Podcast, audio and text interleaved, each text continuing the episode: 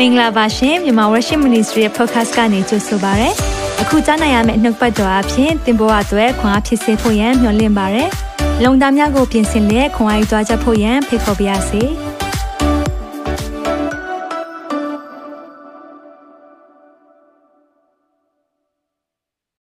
Shalom ဖျားရှင်နာမ၌မိသားစုအားလုံးကိုပြန်လည်နှုတ်ဆက်ပါရယ် ရင်ခုန်စရာကြီး2023သိုးထိန်နဲ့အတူသွားပြီးပြီ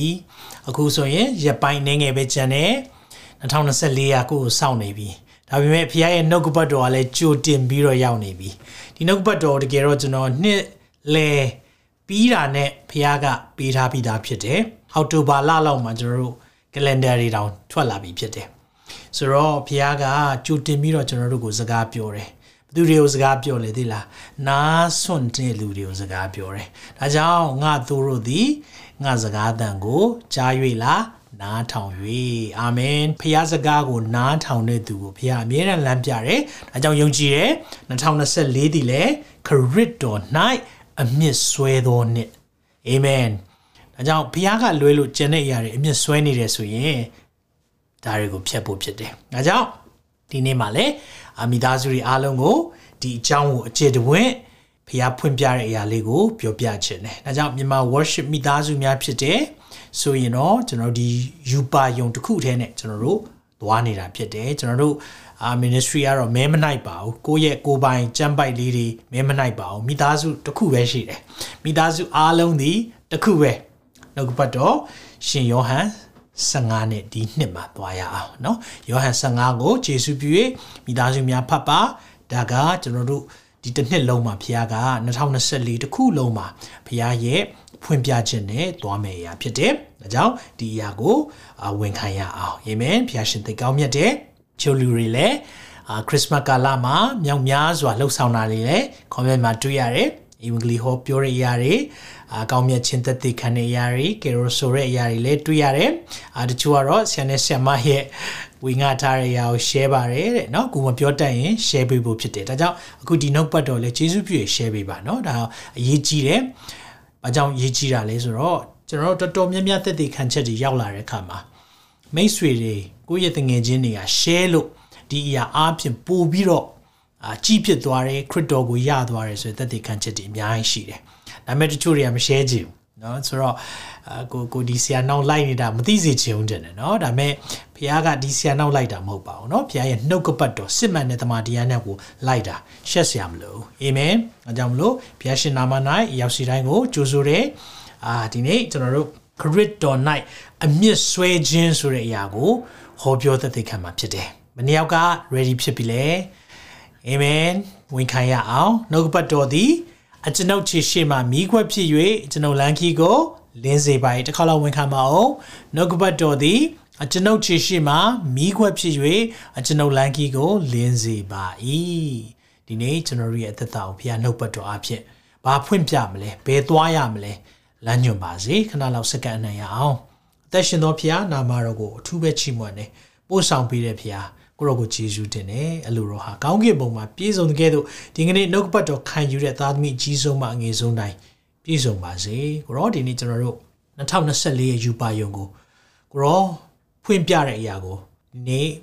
မိသားစုတွေကိုပြောပြဖို့ရှိပါတယ်ကိုရောကျွန်တော်တို့ကိုနှုတ်ပတ်တော်နဲ့အမြဲတမ်းဆောင်ပါရဖျားပို့ဆောင်ပေးတဲ့ဖျားဂျေဇုတင်တယ်နာမတော်ကိုချီးမွမ်းတယ်ဒီစီစဉ်ကိုနောက်ဆက်ဖြစ်စေမယ့်အရာနဲ့နှုတ်ပတ်တော်မျိုးစေ့ကိုခိုးယူမဲ့ မာနရဲ့လောက်ရအားလုံးကိုယေရှုနာမ၌ဖယ်ရှားတယ်။ဘုရားရဲ့ပို့ဆောင်ခြင်းလမ်းပြခြင်းသာအတီးဖြစ်ကြောင်းဝန်ခံ၍သခင်ယေရှုနာမ၌စက္ကန့်နဲ့ဆုတောင်းပါ၏။အာမင်။အာမင်။အာမင်။ဆိုတော့ဒီနေ့မှာကျွန်တော်တို့တွေနှုတ်ပတ်တော်ကိုခံယူသွားမယ်။ rooted in Christ တကယ်တော့သခင်ပြောတဲ့ကျွန်တော်ကိုပြတဲ့အရာလေးကပို့ပြီးတော့ဟိုစကလုံးပေါ်ဖို့နည်းနည်းခက်တာပေါ့နော် အာတကယ်တော့ဘုရားကျွန်တော်တို့ကိုပြောတဲ့အရာကဘာလဲဆိုတာနက်နက်ရှိုင်းရှိုင်းပေါ့နော်နက်ရှိုင်းစွာကိုးကွယ်ခြင်းနက်ရှိုင်းစွာသခင်နဲ့ deeper ပေါ့နော်အဲ့လိုမျိုးပုံစံလေးကျွန်တော်ကိုစပြီးတော့ဘုရားကအာကျွန်တော်ဘုရားစီမှာတောင်းတယ်အောက်တိုဘာလောက်လောက်မှာဘုရားကဒီအရာကိုဖွင့်ပြတယ်နက်နက်ရှိုင်းရှိုင်းသွားဖို့ဆိုတော့အဲ့ဒါကိုကျွန်တော်ကပြန်ပြီးတော့အားလုံးဆင်ခြင်တဲ့အခါမှာတော့ ကျွန်တော်တို့ခရစ်တော်၌ပဲအမြင့်ဆွဲရမယ်။ net shine ဆိုတာသွားနိုင်ဖို့ကအမြင့်တွယ်ဖို့လိုတယ်เนาะဒါကြောင့်မလို့ဒီအရာလေးကိုဘုရားကဖွင့်ပြထားတာဖြစ်တယ်မိသားစုတွေကိုလည်းဒါဒီအရာလေးကိုဝေမျှချင်တယ်2024ရဲ့ vision ဖြစ်တယ်ဆိုတော့ဘုရားကျွန်တော်ကိုပြရတဲ့ပုံရိပ်လေးကအပင်နှစ်ပင်ပေါ့เนาะအပင်နှစ်ပင်ကိုပြတယ်အဲ့ဒီအပင်နှစ်ပင်ကဘာလဲဆိုတော့နံပါတ်1တပင်ကအခုမြင်တွေ့နေရတဲ့စပြစ်ຫນွယ်ပင်ကိုပြတယ် ဆိုတော့ဒီစပြစ်ຫນွယ်ပင်တွေကအပင်ပင်စီနဲ့မချိတ်ဘူးဆိုရင် လုံးဝအသိမသိနိုင်ဘူးကျွန်တော်တို့ဘလောက်ပဲအသီးသီးနိုင်တယ်လို့ထင်တယ်ပင်စီနဲ့မချိတ်တဲ့နေ့မှာအသီးကရှိကောင်းရှိလိမ့်မယ်ဒါပေမဲ့တွေးချောက်သွားလိမ့်မယ်အဲ့ဒီအရာလေးတကူပထမဦးဆုံးဖခင်ကအဲ့ဒီအပင်ကိုပြတယ်နောက်ကျွန်တော်ကိုပြတဲ့အပင်ပင်ကဖခင်ကဘာအပင်ပြလဲဆိုတော့ဝါပင်ကိုပြတယ် ဖះနဲ့အချိန်ယူပြီးတဲ့အခါမှာဖះကကျွန်တော်ဝါပင်ကိုပြတဲ့အခါမှာကျွန်တော်ဘာကြောင့်လဲတော့နားမလဲဝါပင်ဝါပင်ကိုပြတဲ့အခါမှာကိုတော့ဘာကိုပြောချင်တာလဲကျွန်တော်ဝါပင်အကြောင်းကိုအနှဲငယ်လေ့လာတဲ့အခါမှာဝါပင်ကဘာနဲ့တူလဲဆိုတော့သဘောတဘာဝကဘာလဲဆိုတော့ဝါပင်ကိုစစိုက်တဲ့အခါမှာ तू ကချက်ချင်းမကြီးထွားသလိုမြင်ရတယ်ချက်ချင်းမကြီးထွားဘူး ဆိုတော့တခြားအပင်တွေဆိုရင်တစ်နှစ်ဆိုရင်ဒီလောက်ရှိမယ်နှစ်နှစ်ဆိုဒီလောက်ရှိမယ်သုံးနှစ်ဆိုဒီလောက်ရှိမယ်စသဖြင့်အပင်တွေကအဲ့လိုသွားပေမဲ့အဲ့ဒီဝါပင်တစ်မျိုးကြတော့ချက်ချင်း तू ကအပင်ကြီးကကြီးထွားတာမတွေ့ရဘူးတစ်နှစ်လာတယ်မရှိသလိုပဲနှစ်နှစ်လာတယ်မရှိဘူးကြီးတဲ့ခါမှာဘယ်မှာလဲသုံးနှစ်မတွေ့ရအောင်လေးနှစ်မတွေ့ရအောင်ငါးနှစ်ပြီးတာနဲ့အဲ့ဒီအပင်ဟာတခြားအပင်တွေတက်ကြော်ပြီးတော့တခါတည်းကိုထိုးထွက်လာတယ်ဒါပေမဲ့ ရုပ်ထည့်ကြည့်လိုက်တော့အော်ဝါပင်ဆိုင်တာ၄၅ပတ်ပဲရှိသေးတယ်နော်မဟုတ်ဘူး၅နှစ်နဲ့၄၅ပတ်ရှိတဲ့ချိန်ကြာမှာအပြင်ဟာတက်တာထိုနည်း၎င်းမဲ့သင်ရဲ့သက်တာမှာဖះနဲ့အချိန်ယူတဲ့အခါမှာရုပ်ရက်ကြည့်လိုက်တဲ့အခါမှာဘယ်မှာလဲကွာမင်းတို့ဖះနဲ့သွားနေတဲ့လူတွေဘာထူးခြားလဲမိခံရလိမ့်မယ်နော်အော်သွားနေတာဘာထူးခြားလို့လဲဒီနှုတ်ပတ်တော်တွေခံယူတာမင်းဘာပြောင်းလဲပြီလို့လဲဒီဒီယာတွေနေနားထောင်နေတာတခြားလူမဟုတ်ဘူးနော်တခါလေကိုဘေးကပတ်ဝန်းကျင်က မိသားစုအိမ်အိမ်ထောင်ကပြောလိုက်မယ်ဒါပေမဲ့မိတ်ဆွေဆက်နာထောင်ပါဆက်သွားပါဖះနဲ့အမြင့်ဆွဲသွားပြီဟေးဆိုတဲ့အခါကျတော့အသီးသီးလာတယ်အပင်တက်လာပြီဟေးဆိုရင်တော့သူများနဲ့မတူတဲ့အသီးတွေဟာလေလုယာသူများထက်သာတဲ့အသီးတွေပြီးရင်သူများထက်မြင့်တဲ့အပင်ဖះပြည့်စုံရတဲ့အခွင့်ပေးလိုက်မယ်အာမင်ဒါပေမဲ့သင်ရဲ့အသက်တာမှာအရေးကြီးဆုံးကတော့သခင်နဲ့ဆွေးမြဲနေဖို့တည်မြဲနေဖို့ ရင်းရိုင်သွားလို့မရဘူးအာစမ်းကြည့်လိုက်အောင်မယ်အစင်မပြေဘူးဟိုဘက်ပြောင်းသွားပြန်ဟိုဘက်မှာစမ်းကြည့်တယ်အဲ့ဒါတာဂူးလို့ခေါ်တယ်နော်ဒီထဲမှာတာဂူးတွေမပါရအောင်ဖះနဲ့အမြင့်ဆွဲတယ်ဆိုတာတာပြီးတော့ဟာဒီအပင်ကမကတ်တော့ဘူးထင်တယ်ဟိုဘက်ကိုသွားကတ်ယုံကြည်သူခရိယန်နေတာဂူးတွေပဲအကုန်လုံးဘယ်ချင်းကူးရမလဲပဲစဉ်းစားနေတယ်ဒီနေ့ဖះအလိုမရှိအလိုမရှိဘူးဒါကြောင့်မလို့ဒီနေ့မှာဖះရဲ့ဂတိတော်နဲ့ warning လဲတခါတည်းတွဲပြီးတော့ပါတယ်ဒါကြောင့်မလို့ကျွန်တော်ပြီးကြရင် warning မှာတခါတည်း ဖះရဲ့သတိပေးချက်ဖះရဲ့ဂတိတော်နဲ့သတိပေးချက်ကအမြဲတွဲတတ်တယ်အခုကျွန်တော်တို့ Zephaniah เนาะကျွန်တော်တို့နှုတ်ကပတ်တော်ဖတ်နေတဲ့အခါမှာဒီ minor prophet လေးတွေဖတ်တဲ့အခါမှာဖះကကဲမင်းတို့ဆုံးမခြင်းတွေလာမယ်နော်ဖះရဲ့သတိပေးချက်လာသလိုဖះရဲ့ဂတိစကားနဲ့ hope ဆိုတဲ့မျှော်လင့်ချက်ကိုလည်းတခါတည်းပေးတယ်ဒီ2024မှာခရစ်တော်နဲ့တဲ့အမျက်ဆွဲစွာသွားကြည့်ပါ ဖခင်ကအမျက်ဆွဲစေခြင်းနဲ့သင်ရဲ့အသက်တာကို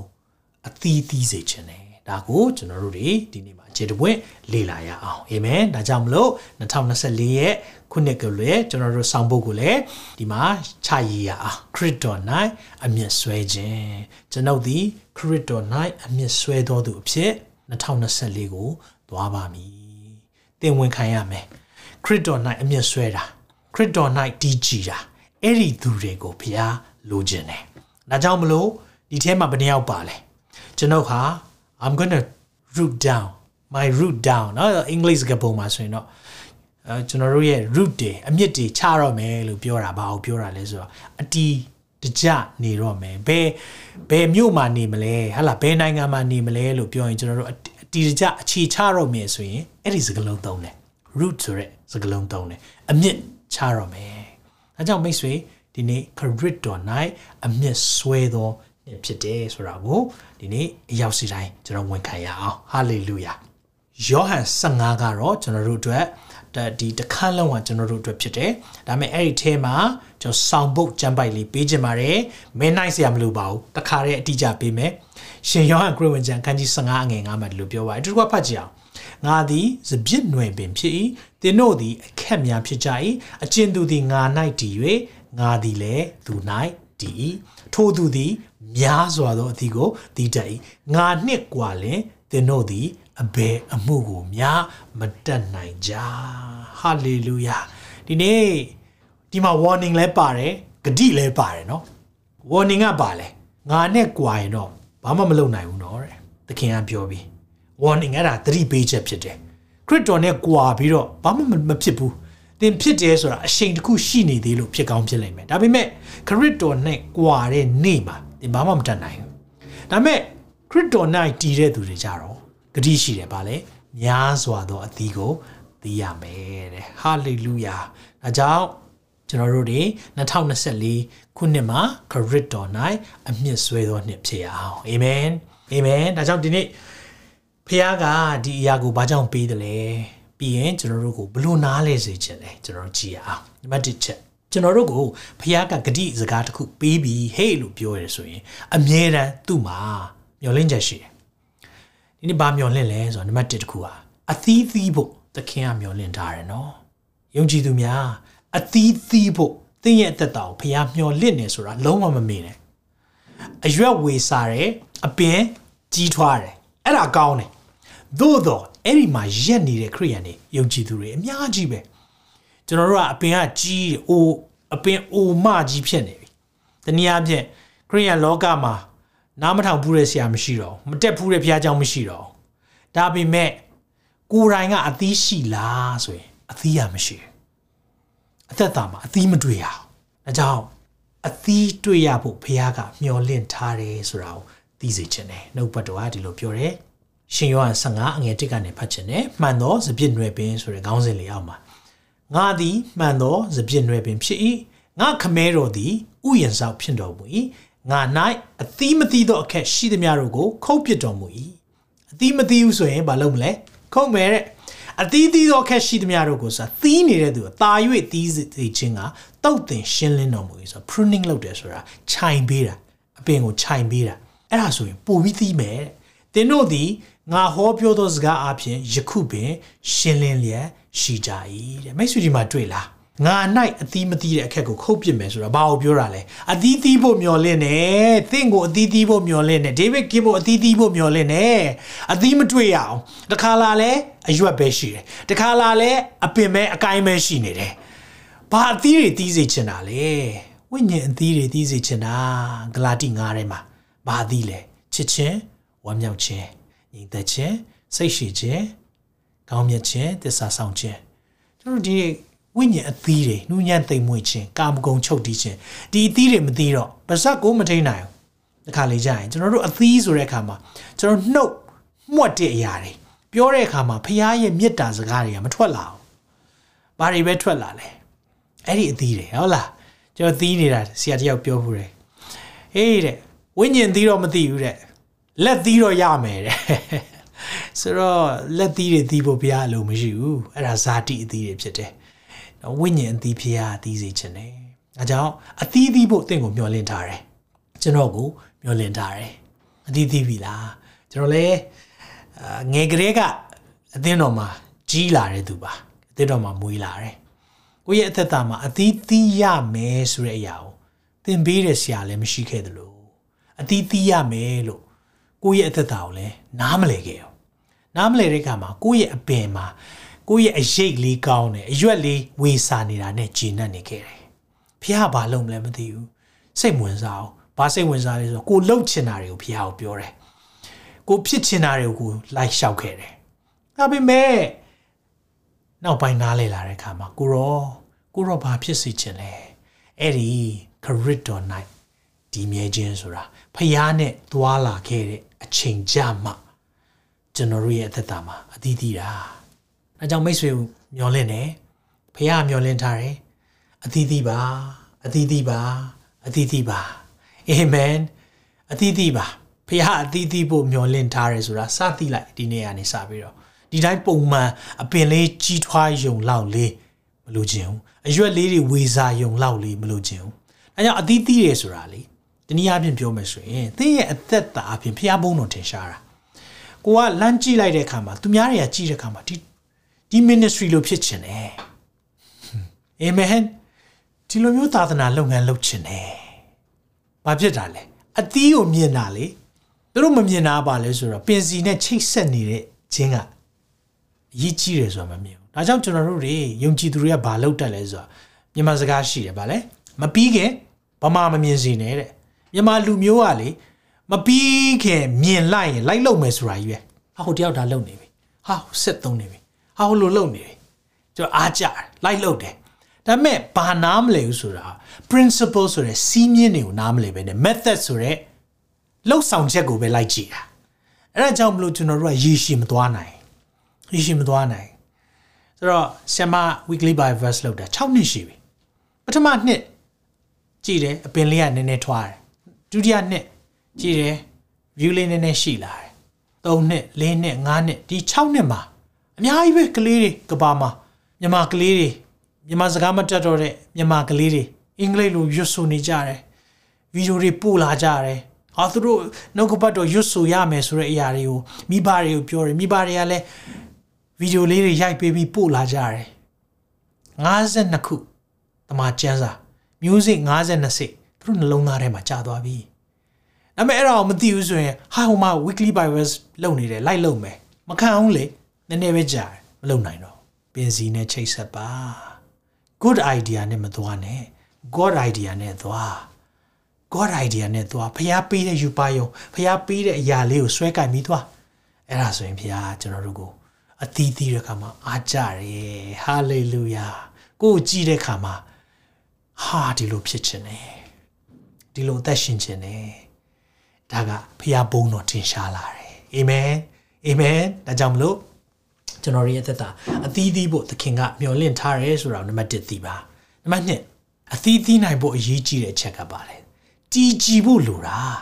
တည်ကြည်ဖို့လိုတယ်ကျွန်တော်တို့တွေကတခုခုလှုပ်လိုက်ရင်ခဏပဲလှုပ်ချင်တယ်စမ်းကြည့်မယ် microwave generation လို့ခေါ်တယ်နော်ကျွန်တော် microwave ဆိုတာဒီမှာကျွန်တော်စီမှာဟင်းတွေနှွေးတဲ့အခါမှာသုံးတာပေါ့နော် သူ့ရဲ့လှိုင်း microwave လှိုင်းကအရန်အားပြင်းတဲ့အခါမှာဟင်းတစ်ခွက်ကိုနှွေးမယ်ဆိုရင်10မိနစ်အတွင်းမှာပူသွားတယ်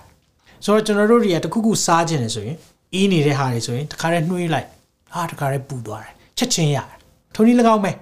ကျွန်တော်တို့တခုခုလှုပ်ခြင်းနဲ့ဘဝမှာအားကြတဲ့ဟာတွေရှိရဆိုချက်ချင်းရခြင်းတယ်အာဟိုမှာဒီလိုဖြစ်နေပြီချက်ချင်းရခြင်းတယ်နှုံဖះလူအချိန်နဲ့အလုံးမလုံးသူ့အချိန်နဲ့သူလှုပ်လှုပ်တယ်ဖះက လူအချိန်နဲ့အလုံးမလုံးသူ့အချိန်နဲ့သူလှုပ်လှုပ်တယ်အဲကြောင့်ဖះသူ့အချိန်နဲ့သူလှုပ်လှုပ်တဲ့အခါမှာကျွန်တော်တို့ဘက်ကလေတီကြည်ပါတီကြည်ပါဖះဘယ်လိုပြောလဲနှုတ်ပတ်တော်မှာကြည်အောင်အငယ်လေးမှာယောဟန်15ငယ်လေးမှာငါ၌တည်နေကြလောတည်ပါ abide in me ငါနဲ့ချိတ်ဆက်ထားပါငါနဲ့ငါနဲ့ပဲသွားနော်အဲ့လိုပြောတာငါဒီလေတင်တော်၌တည်နေပြီစပြစ်ခက်သည်အပင်၌မတည်လင် ကိုအလိုလျောက်အသီးမသီးနိုင်တကယ်တော့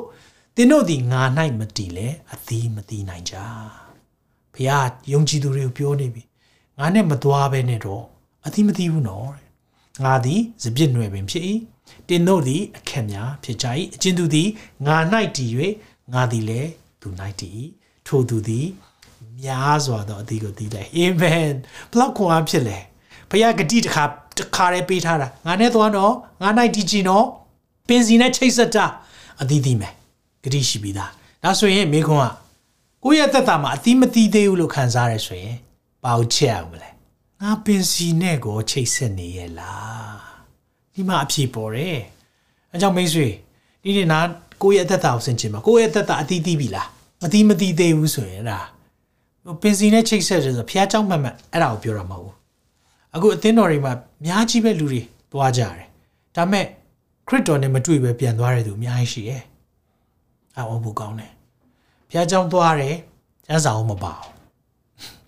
ဘာလို့ဆိုတော့ကျွန်တော်တို့အကုန်ထိုးပေးနေရခင်လေနော်အားလုံးလွယ်လင့်တကူရနေတဲ့ခင်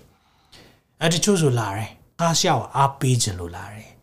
အဲ့လိုလာတယ်တော့အားပေးမယ်ဖះအဲ့ဒါတွေလူကျင်တာမဟုတ်ဒီနေ့အချိန်လူပြီးတော့နားထောင်တာနော်အဲ့လိုမျိုးပေါ့နော်ဆိုတော့ဆရာနှုတ်ဘတ်တော်ဆရာနှုတ်ဘတ်တော်နားထောင်နေနော်တဲ့လာပြောရဲ ဆိုတော့အော်ခွန်အားရလားလို့ခွန်အားရတယ်အဲ့ဒါဆိုခင်ဗျာဂျေစုတင်ပါလို့ဖခင်ရဲ့နှုတ်ဘတ်တော်တော်မှကျွန်တော်တို့တွေကဟိုနားထောင်တာတော့မှဖခင်စကားတန်ကိုမကြားတတ်တော့တဲ့ကာလဖြစ်နေတယ်ဒါကြောင့်ကျွန်တော်အတိမသိနိုင်ဘူးဒါကြောင့်အတိသိနိုင်ဖို့ကြည့်ရအောင်ကိုယ်သက်တာမှာဖခင်ဘုန်းတော်ထင်ရှားတာကိုပြောတာအတိသိတယ်ဆိုတာကိုယ့်ရဲ့သက်တာအပြင်ဖခင်ဘုန်းတော်ထင်ရှားတယ်ကိုယ့်ရဲ့သက်တာနော်အသီးလို့ပြောလိုက်တိုင်းကျွန်တော်တို့ကမီလီယံနာဖြစ်ဖို့တွေတော်တော်မြင်ကြတယ် ကားတွေစီးနိုင်ဖို့တော့အိမ်ကြီးကြီးနေနေနိုင်ဖို့တော့အဲ့ဒါကိုပြောတာမဟုတ်ဘူးနော်အသီးသီးနိုင်ဖို့ကလုံးဝလောကအရာနဲ့မဆက်ဆိုင်ကောင်းကင်အရာနဲ့ဆက်ဆိုင်တယ်ဒါပေမဲ့ကိုယ့်ရဲ့သက်တာကိုကြည့်တဲ့အခါမှာအေးကွာဒီတယောက်ကြည့်တဲ့အခါမှာအလုံးမှာထူးခြားတယ်သူ့ကိုကြည့်လိုက်တိုင်းမှာတခုခုပဲဘာလဲတော့မသိဘူးအဲ့လိုပြောတတ်တယ် what i don't know what it is but you you you different ထူးခြားတယ် အေးအဲ့ဒါအသီးသီးတာအာမင်ဒါကြောင့်ကျွန်တော်တို့အသီးတီးသီးဖို့ကသခင်နိုင်တည်ကြည်နေဖို့လိုတယ်ဆိုတာကိုကျွန်တော်နားလည်ဖို့ဖြစ်တယ်နံပါတ်3ချက်နဲ့နောက်ဆုံးချက်ဖြစ်တယ်အသီးသီးခြင်းအပြင်ဘာဖြစ်မလဲဖះဘုန်းတော်ထင်ရှားမယ်ကျွန်တော်တို့ကဝမ်းနေဖို့ကောင်းတဲ့ kit ပေါ့နော်ဖះရဲ့သတင်းစကားတွေကလည်း online အဖြစ်အများကြီးပြန့်ပွားနိုင်တဲ့ kit လည်းဟုတ်သလိုတစ်ချိန်တည်းမှာပဲဖះလူတွေလို့ပြောတဲ့သူတွေက အသီးသီးတယ်လို့ပြောတာဟာသူတို့ဘလောက်ကဘာပတ်နိုင်တယ်လဲသူတို့အားဖြင့်ဘယ်နှယောက်ပြောင်းလဲတယ်လဲသူတို့ရဲ့အသင်းတော်ဘယ်နှခုရှိနေပြီလဲသူတို့မှာအသင်းသားဘလောက်ရှိပြီလဲဆိုတော့သူတို့ရဲ့ my kingdom come လို့ခေါ်တယ်အဲ့ဒါကအဓိကဖြစ်နေတာမဟုတ်ဘူးကျွန်တော်တို့အသီးသီးဖို့ကတခုပဲဖျားဘုံထင်ရှားဖို့ဒါကြောင့်ဝန်ခံပါအောင်ကျွန်ုပ်အသီးအားဖြင့်ဖျားဘုံတော်ထင်ရှားဖို့ဖြစ်တယ်လို့ကျွန်ုပ်အသီး ကျွန်တော်မှအသီးသီးတယ်ဖျားဘုံတော်ထင်ရှားဖို့ပဲလူတွေကဒီအသီးကိုမြင်လိုက်ပြီးတော့ဟာဝါအသီးလေးကတော်တော်စားလို့ကောင်းတယ်နော်ကျွန်တော်အိမ်မှာပင်ဆိုင်ထားမဲလ်ဘွန်းကပြောင်းလာတော့အပင်တပေးမဲ့ပါလာအဲ့ဒီပင်ကတမ်းမရပဲဒါပေမဲ့ကျွန်တော်စားဆိုင်တဲ့ချိန်မှာသူ့ကိုပန်းအိုးလေးထဲမှာစိုက်ထားတော့အပင်ကကောင်းကောင်းမရှင်တန်နိုင်သူ့ရဲ့ environment ကျွန်တော်တို့ရောစာတွေတော့ကျွေးပါတယ်ရေတော့လောင်းတယ် ဒါပေမဲ့အပင်ကကြည့်တဲ့အခါမှာလူတွေဟားစရာဖြစ်နေအိမ်လာရင်ဟာဆရာရဲ့အပင်ကလည်းတော့ဆိုပြီးတော့ဟိုရီကြတယ်ရေမောကြတယ်ဟားတိုက်ကြတယ်အဲ့နဲ့အဲ့ဒီပင်ကိုကျွန်တော်ကโอเคဒီပင်ကိုတော့ငါပြုစုရမယ်အဲ့ဒါနဲ့ပြဿနာတစ်ခုရှိတယ်အဲ့ဒီပင်မှာပထမတစ်ခုကအရွက်လိတ်ကျွန်တော်အဲ့ဒါရွက်လိတ်တာဘာမှမသိဘူးဓာတ်ပုံရိုက်ပြီးတော့အတိမသိဘူးအဲ့နဲ့ကျွန်တော်စိုင်မှာသွားပြီးတော့ ငါအပင်ကဒီလိုဖြစ်တယ်လို့ပြောအဲ့ဒါမင်းပင်ပိုးကြနေတာတဲ့ပိုးသက်စီလိုတယ်တဲ့အဲ့ဆိုဘာဖြန့်ရမလဲသူပြတယ်ပိုးသက်စီအဲ့နဲ့အဲ့ပိုးသက်စီကျွန်တော်ယူသွားတယ်ဘာလို့အတိမသိတာအောင် feeding မလုပ်လို့တဲ့မျောစာအမျောစာကျွေးတယ်ဆိုဘာကျွေးတာလဲကျွန်တော်ကျွေးတဲ့ဟာနဲ့အပင်နဲ့ကမကိုက်ဘူးအဲ့ဒါနဲ့ကဲ blood and bone ကျွေးရမယ်အဲ့ဒါနဲ့ကျွန်တော်ဝယ်လာတယ်အဲ့ဒါနဲ့ကျွန်တော်အေးအပင်ကိုပိုးသတ်လိုက်တယ်တတ်ပြီးတာနဲ့ ရောစာကျွေးတယ်ကျွေးတဲ့အခါမှာအသီးကများသီးသလားမမင်းနဲ့အသီးရဲ့ကျွန်တော်တမယာပင်တမယာသီးဆိုရင်နော်တမယာသီးဒါပေမဲ့ကျွန်တော်တို့ကရှောက်သီးလို့ဖြစ်တယ်အကြီးကြီးတယ်အဲ့နဲ့ပါလာသလားဟိုးအရင်ဟားတိုက်တဲ့ပွဲတွေဆရာအပင်အမျိုးလိုချင်တယ်အပင်မျိုးလိုချင်တယ်တဲ့ဘာဖြစ်သွားလဲလူတွေအဲ့အတိုင်းပဲနော်ကျွန်တော်တို့ရဲ့အသက်တာတခါလေတင့်ကိုမပေါင်းချင်ဘူးတင်နဲ့မဆက်ဆက်ဆက်မလုပ်ချင်ဘူးဒါပေမဲ့ တင့်မှာအသီးသီးလာပြီဖះဘုံတော်ထင်ရှားလာပြီဆိုတင်းနဲ့ပေါင်းချင်လာလိမ့်မယ်တင်းနဲ့ဆက်သွဲချင်လာလိမ့်မယ်ဒါပဲကျွန်တော်တို့ကအဲ့နဲ့ဟာဒီဒီအသီးရန်ကောင်းတာပဲဆိုတော့ကျွန်တော်တို့ကချက်ချင်းပါလိုက်လေအပင်ကိုလိုက်တာဒီပင်ကောင်းတာတဲ့ထုံနီး၎င်းမယ်မိတ်ဆွေကျွန်တော်တို့အသီးသီးမယ်ဆိုရင်ဖះဘုံတော်ထင်ရှားမှာဟာဒေးဗစ်ကင်သိတ်တော်တာပဲအဲ့လိုမဟုတ်ရအောင်ဟာမာရှိကင်သိတ်တော်တာပဲအဲ့လိုမဖြစ်ရအောင် ဖះဘုံတော်ထင်ရှားဖို့ဖြစ်တယ်ကျွန်တော်တို့ရဲ့လှုပ်ဆောင်မှုကျွန်တော်တို့ရဲ့နေ့တူဝအသက်ရှင်ခြင်းဟာလူတွေဖះကိုတွေ့သွားဖို့အကြောင်းဖြစ်ပါစေအာမင်ဒါကြောင့်မလို့နှုတ်ပတ်တော်ဒီလိုပြောတယ်ငါ၌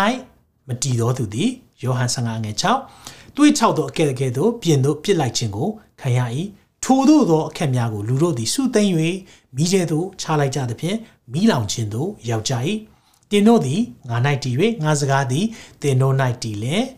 တင်တို့သည် တောင်းချင်သမျှကို တောင်း၍ရကြလိမ့်မည်ကျွန်တော်တို့အဲ့အနောက်ပိုင်းလေးကိုကြိုက်တယ်တင်တို့သည်တောင်းချင်သမျှကိုတောင်းရင်ရမယ်ဆရာဖျားပြောတယ်လေတောင်းချင်သမျှကိုတောင်းအေးရှေ့စာကြောင်းလည်းဖတ်အောင်လေတင်တို့သည်ငါ၌တည်၍ငါစကားသည်တင်တို့၌တည်လေ condition ပါတယ်ဘုရားဂတိကိုဒီတိုင်းပေးလိုက်တာမဟုတ်ဘူးငါစကားနားထောင်ရမယ် ငါ၌တည်ကြည်ရမယ်အဲ့လိုမျိုးဆိုရင်တော့ဘုရားစကားလည်းနားမထောင်မင်းနဲ့ဆုတောင်းတော့အဖြေမရအောင်ပြောတယ်ဘုရား၌လည်းမတည်ကြည်ဘူးဘုရား၌မတည်ကြည်တာမဟုတ်ဘူးကိုကိုကိုကိုပြုစုပေးနေတဲ့အသင်းတော်မှာတော့မတည်ကြည်နိုင်ဘူးဆိုရင်သင်ဆုတောင်းချက်အဖြေမရဘူးဒီမှာစံစာမှာဒီလိုပြောတယ်ဒါဆိုရင်ကျွန်တော်တို့ကိုဖះကဘလို့ဘုံထင်ရှားစေချင်တာအငယ်ရှင်းမှာရှိတယ်။သင်တို့သည်များစွာသောအသီးကိုသီးသောအားဖြင့်ဘာဖြစ်မလဲ။ငါခမဲတော်သည် ဘုံထင်ရှားတော်မူ၍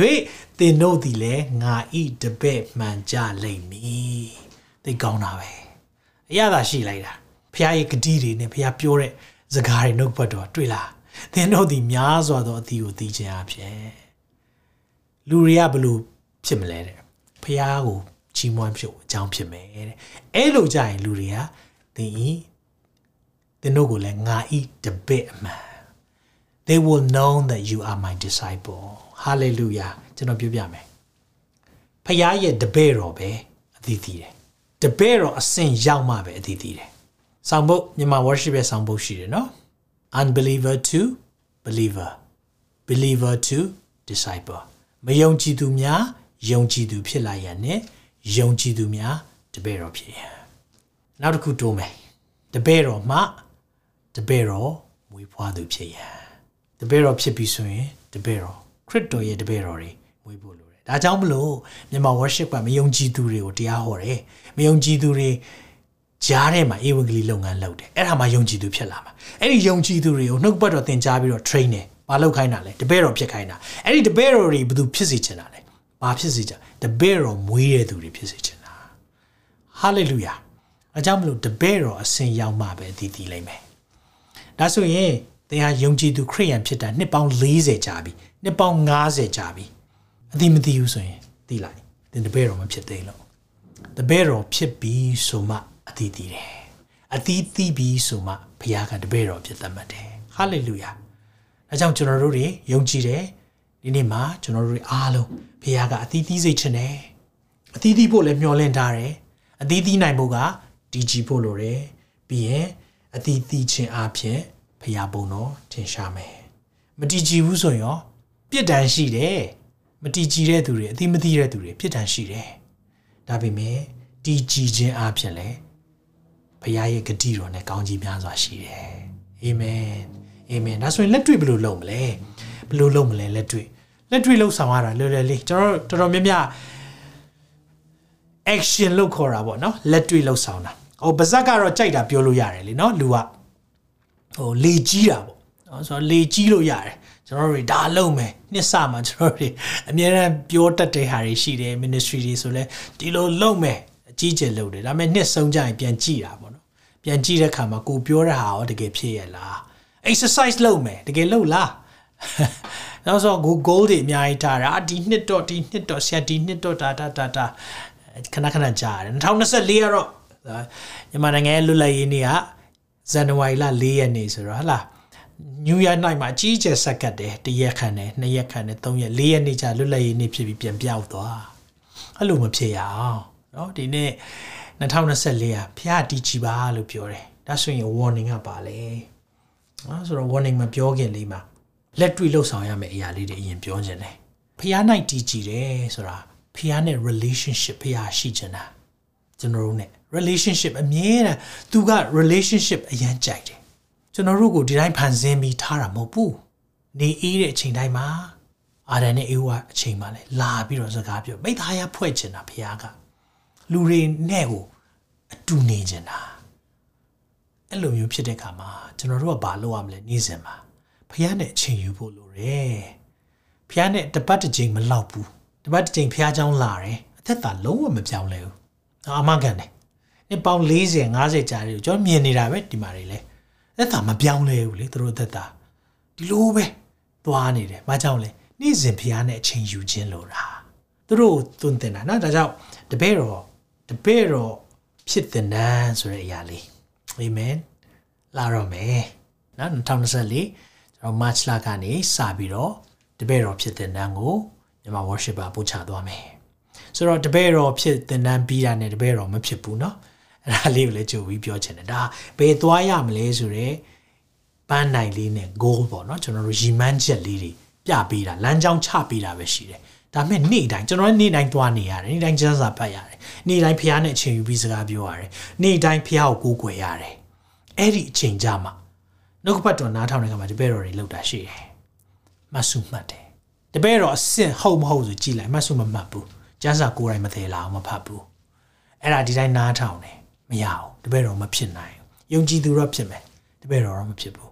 ဒါပေမဲ့တပည့်တော်တကယ်ဖြစ်ဖို့ဆိုရင်မိတ်ဆွေလုပ်ရမယ်နေ့တိုင်းဖះနဲ့ချိန်ယူရမယ် very simple ဆရာရဲ့ရိုးရှင်းလိုက်တယ်အေးရိုးရှင်းတယ်လောက်ကြည့်လိုက်လောက်ကြည့်ပါတကယ်လောက်ကြည့်ပါမလွယ်ဘူးနော်မလွယ်ဘူးလေကြီးလို့တော့ရတယ်ဒါပေမဲ့လုံးဝမလွယ်ဘူးတကယ်တမ်းဖះနဲ့နေ့တိုင်းချိန်ယူတယ်ကျန်းစာဖတ်မယ်ဆူတောင်းမယ်ဒီ၃ခုအဲ့ဒီ discipline ၃ခုอ่ะ နေ့တိုင်းစနေနေ့လည်းလုပ်ရတယ် Sunday လည်းလုပ်ရတယ် weekend လည်းလုပ်ရတယ်အဲကြောင့်ဆရာနဲ့ဆရာမဘာလုပ်လဲနေ့တိုင်းဒီ၃ခုလုံးဝမပြတ်တမ်းလုပ်တယ် holiday သွားတယ် vacation သွားတယ်ခရီးထွက်တယ် jack lab ဖြစ်တယ်လေရင်စီးတယ်ဒီ၃ခုလုံးဝမပြတ်ဘူးကျွန်တော်ခရီးသွားရင်အများဆုံးပါသွားတာစံစာအုပ်တွေမှတ်စုတွေပါသွားတယ်အမြဲတမ်းချိန်ယူတယ်ဒါကြောင့်နေ့စဉ်ဖျားနဲ့ချိန်ယူရမယ်နှုတ်ကပတ်တော်စံစာဖတ်ရှုရမယ်ဆူတောင်းရမယ် အဲ့ဒီအရာလေးတွေလက်တွေ့လှုပ်ဆောင်ဖို့လိုတယ်အဲ့ဒီအချိန်ကြမှာဒီကြည်သွားတာကျွန်တော်ရီးစားတယောက်ထားတယ်ဆိုပါစို့အဲရီးစားကိုဖုန်းလည်းမဆက်သူ့ကိုလည်းဘာမှအချိန်မပေးဆိုရင်အဲ့ဒါရီးစားလို့ပြောလို့မရအောင်လေနော်ချစ်သူတယောက်ရှိရင်တော့မှကိုကသူနဲ့အမြဲတမ်းစကားပြောချင်တယ်သူနဲ့အမြဲတမ်းတွေ့ချင်တယ်သူ့ကိုတွေ့ရဖို့ပဲကြိုးစားနေတယ်အဲ့ဒီလိုမျိုးမေတ္တာနဲ့ဘုရားကိုဒီနေ့မှာခရစ်တော်နဲ့အမြင့်ဆွဲဖို့လိုတယ်ဟာလေလုယာဒါကြောင့် daily devotion ရှိမယ်အဲဒါကြောင့်မလို့ပြီးရင်ကျွန်တော်တို့ March လကနေစပြီးတော့ discipleship ကျွန်တော်ကိုယ်တိုင်သင်ခန်းစာ12ခုသင်ပေးမယ်တခြားနေရာမှာမကြားဘူးတဲ့အရာတွေဖြစ်မယ်တခြား discipleship course တွေနဲ့မတူတဲ့အရာဖြစ်မယ်တကယ် biblical တမန်ကျမ်းစာအတိုင်းကျွန်တော်တို့သွားရအောင်တပည့်တော်ဖြစ်ဖို့အဲကြောင့်အာအချိန်ပေးနိုင်မှုလို့တယ်ကျွန်တော် form နေကျွန်တော်တို့သေချာစီစစ်သွားမယ် ဖြစ်နိုင်မယ်ဆိုရင်ကျွန်တော်တို့မိခွန်းလေးတွေမိထားမယ်အဲ့ဒါလေးကိုသေချာဖြည့်ပေးပါเนาะကျွန်တော်ကျွန်တော်ပုံမှန်တက်နေတဲ့ပုံစံမျိုးမဖြစ်စေချင်ဘူး။ဘာကြောင့်ဆိုတော့ယုံကြည်သူတွေကအများကြီးရှိပါတယ်။ယုံကြည်သူအစ်စ်မှာဖျားထားတဲ့သူတွေလည်းရှိတယ်။ဒါပေမဲ့တပည့်တော်အဆင့်ကြတော့ဒါကလူနည်းစုပဲဖြစ်လိမ့်မယ်။အဲကြောင့်ကျွန်တော်ယုံကြည်တယ်လူနည်းစုဖြစ်ပေမဲ့ဖျားကကျွန်တော်တို့ကိုအကောင်းဆုံးပို့ဆောင်မယ်။ဒါကြောင့်ကျွန်တော်တို့ဒီဗုဒ္ဓဟူးနေ့ live ထုတ်လွှင့်ခြင်းကတော့ပုံမှန်ရှိနေမယ်။ ဒါပေမဲ့2024ကနေစပြီးတော့စနေနေ့ live ထုတ်လွှင့်ခြင်းအစီအစဉ်အစားကျွန်တော်တို့ discipleship school DTS discipleship school discipleship training school ကိုကျွန်တော်တို့ဖွင့်သွားမှာဖြစ်တယ်။ဒါကြောင့်မလို့စနေနေ့ထုတ်လွှင့်ချက်တော့ live ထုတ်လွှင့်ချက်တော့မရှိတော့ဘဲနဲ့ကျွန်တော်အလင်းတင်တယ်လို့ကျွန်တော်ဗုဒ္ဓဟူးနေ့ဖြစ်ဖြစ်ကျွန်တော်ယုံကြည်သူတွေနားဆင်တဲ့နဲ့နားဆင်ရမယ့်နှုတ်ပတ်တော်တွေကိုကျွန်တော်လွှင့်သွားမှာဖြစ်တယ်။ဒါကြောင့်ဒီနေ့ ပြောရရလေးကိုခဏလောက်ကျွန်တော်ပြန်ပြီးတော့ပြောရအောင်2024က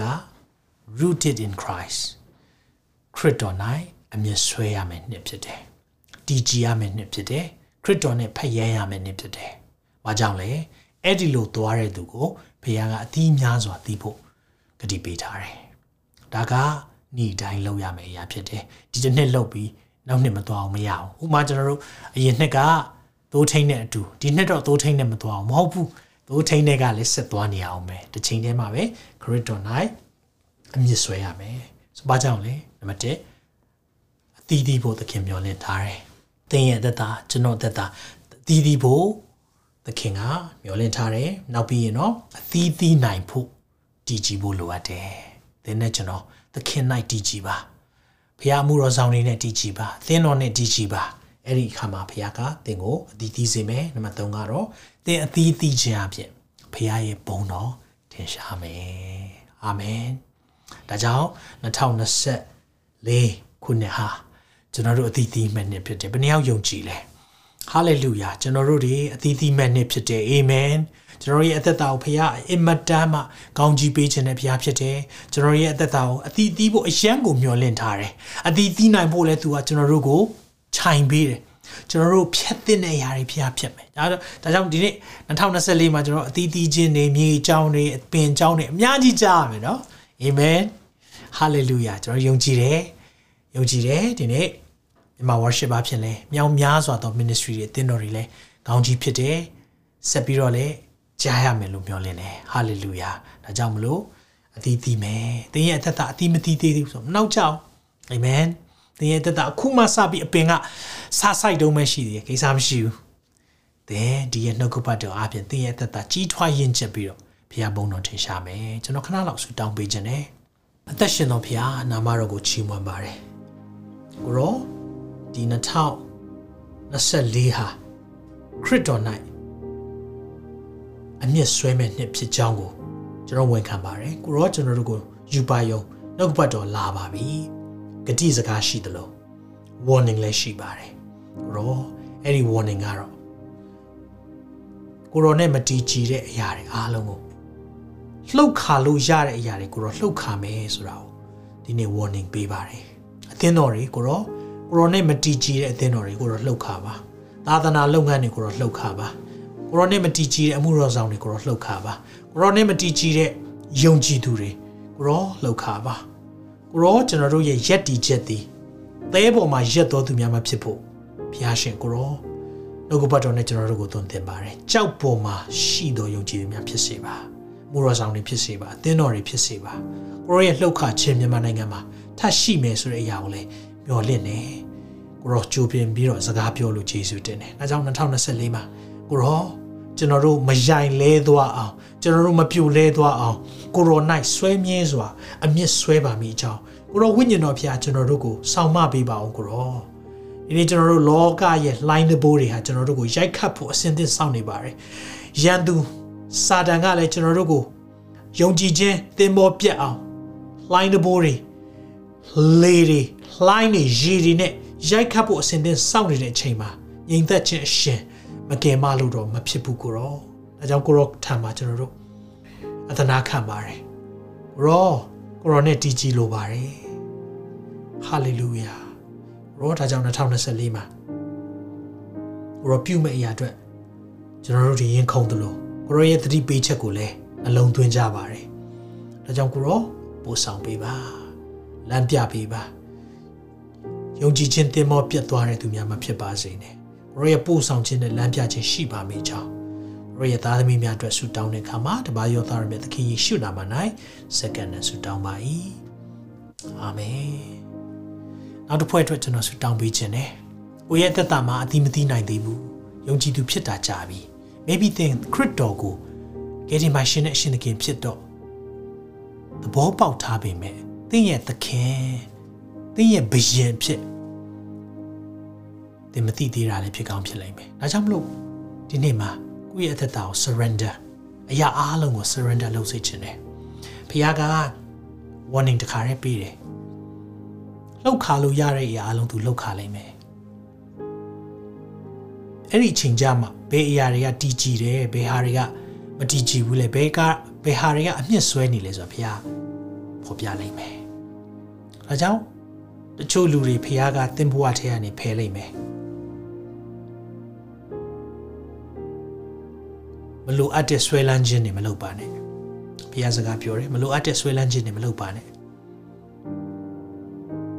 တချို့လုပ်ငန်းတွေဘုရားကဖယ်ပေးလိုက်မယ်တခြားမဟုတ်ဘူးသင်ဘယ်အပေါ်မှာသင်ရဲ့ယုံကြည်ချက်ကတည်နေတယ်လဲဆိုတာကိုဘုရားသိချင်တယ်သင်ကြောက်ပေါ်မှာအိမ်ဆောက်တဲ့သူလားသဲပေါ်မှာအိမ်ဆောက်တဲ့သူလား တဲပေါ်မှာစောက်တာဘာဖြစ်လဲရေလာတဲ့အခါမှာပေါ်လိမ့်မယ်။လှိုင်းတဘိုးလာတဲ့အခါမှာပေါ်လိမ့်မယ်။ဖះကျွန်တော်တို့ကိုစုံလင်ဖို့ရန်စမ်းသတ်တယ်။အဲဒီကာလမှာကိုယ့်ရဲ့ယုံကြည်ခြင်းခိုင်မြဲပါစေ။ warning တခါတည်းရှိတယ်။ဒါပေမဲ့တီကြည်တဲ့သူတွေအတွက်ဂတိစကားလည်းရှိတယ်။အသီးများစွာတီးပြီးဖះဘုံတော်ထင်ရှားမယ်။အဲကြောင့်ကျွန်တော်ချို့လူတွေကိုခရစ်တော်နဲ့မိတ်ဆက်ပေးခြင်းနဲ့သင်ဒီရဲ့သင်ကြားချက်ပူချချက်ကိုအ ကြောင်းမျိုးမျိုးကြောင့်ကြည့်မိတယ်ဆိုရင်သင်ကိုတိတ်ချစ်တဲ့သခင်ရှိတယ်ဆိုတာသိစေခြင်းနဲ့သင်ဘဝကိုသင်ဘဝမှာအဓိပ္ပာယ်မရှိသလိုပဲငါငွေကြေးတွေပြည့်စုံတယ်လုပ်ငန်းရှိတယ်ငါမှချေရတဲ့မိသားစုဒါပေမဲ့တခုခု missing ဖြစ်နေတယ်တခုခုလိုအပ်တယ်လို့သင်ခံစားရင်အခြားမဟုတ်ဘူးသင်ရဲ့နှလုံးသားထဲမှာဟာကွက်တစ်ခုရှိတယ်အဲ့ဒီဟာကွက်ကဖျားဆိုတဲ့ဟာကွက်ဖန်ဆင်းရှင်ဖျားဆိုတဲ့ဟာကွက်ဖြစ်တယ်အဲ့ဒီဟာကွက်ကိုတခြားအရာနဲ့ဖြည့်လို့မရအောင်ဖန်ဆင်းရှင်ယေရှုခရစ်တော်ကပဲဖြည့်ပေးနိုင်တယ် သင်အဲ့ဒီဟာကွက်ကိုပြည့်ကျင်တယ်ဆိုရင်ကျွန်တော်ရှေ့ကနေဆူတောင်းပေးမယ်ကျွန်တော်နောက်ကနေယုံကြည်ခြင်းပါလက်လိုက်ဆိုပေးပါသခင်ယေရှုခရစ်တော်ဖျားကျွန်တော်နှလုံးသားထဲမှာဟာကွက်ရှိပါတယ်အဲ့ဒီဟာနေတဲ့အရာကိုကိုရောပဲဖြည့်ဆည်းပေးနိုင်ကြောင်းဒီကနေ့မှသိရပါပြီကျွန်တော်အပြစ်အားလုံးအတွက်နောင်တရလျက်တောင်းပန်ဝင်ချပါတယ်သခင်ယေရှုခရစ်တော်ရဲ့လဝါကတိုင်ပေါ်မှာအသေးသက်ခြင်းအ သွေးသွန်းလောင်းခြင်းနဲ့ရှင်ပြန်ထမြောက်ခြင်းအပြင်ကျွန်ုပ်သည်သာဝရအသက်ရကြောင်းဝန်ခံပါတယ်ကျွန်ုပ်ဘဝကိုအတည်တည်စေပါကျွန်ုပ်ဘဝကိုအောင်မြင်စေပါသခင်ယေရှုနာမ၌ဆုတောင်းပါ၏အာမင်မိတ်ဆွေဒီဆုတောင်းချက်ကိုဆုတောင်းတယ်နှလုံးသားအကျွမ်းမဲ့နဲ့သခင်ကိုခေါ်ဖိတ်တယ်ဆိုရင်ဒီကနေ့ကစပြီးသင်ရဲ့သက်တာမှာတခါမှမကြုံဘူးတဲ့ဝမ်းမြောက်ခြင်း ငြိမ်သက်ခြင်းကြွယ်ဝခြင်းတွေရောက်လာမယ်ဖျာရှင်သင်ကိုအထူးကောင်းချီးပေးပါစေကျွန်တော်ဆုတောင်းကောင်းချီးပေးပြီးတော့ဆုံးသက်သွားမှာဖြစ်တယ်ထာဝရဘုရားသည်သင်ကိုကောင်းချီးပေး၍ဆောင်းမတော်မူပါစေသောထာဝရဘုရားသည်သင်၌မျက်နာတော်အလင်းကိုလွှတ်၍ဂိယုဏကျေးဇူးပြုတော်မူပါစေသောထာဝရဘုရားသည်သင်ကိုမျှော်ကြည့်၍ချမ်းသာပေးတော်မူပါစေသောဘုရားထမလာသောကြွယ်ဝခြင်းလူတွေမပေးနိုင်တဲ့ငြိမ်သက်ခြင်းချမ်းသာခြင်းကောင်းကြီးမင်္ဂလာများသင်နဲ့သင်မိသားစုပေါ်မှာတရားပါစေ နောက်ထုံလင်းချက်မှာဖျားလို့ရရှိရင်ပြန်လည်ဆုံတွေ့ပါအောင်မယ် God bless you all တင်ခုလိုနာဆင်ခွန်အားနိုင်ခြင်းဟာမြန်မာ Worship Ministry ကိုလာဆင်ပန်ပိုးနေကြတဲ့ Kingdom Partners များအကြောင်းဖြစ်ပါတယ်။ဖျားခင်နိုင်ငံတော်ကျယ်ပြန့်ရေးအတွက်လာဆင်ပေးကမ်းပောင်းဖို့ရန်ဖိတ်ခေါ်လိုပါတယ်ရှင်။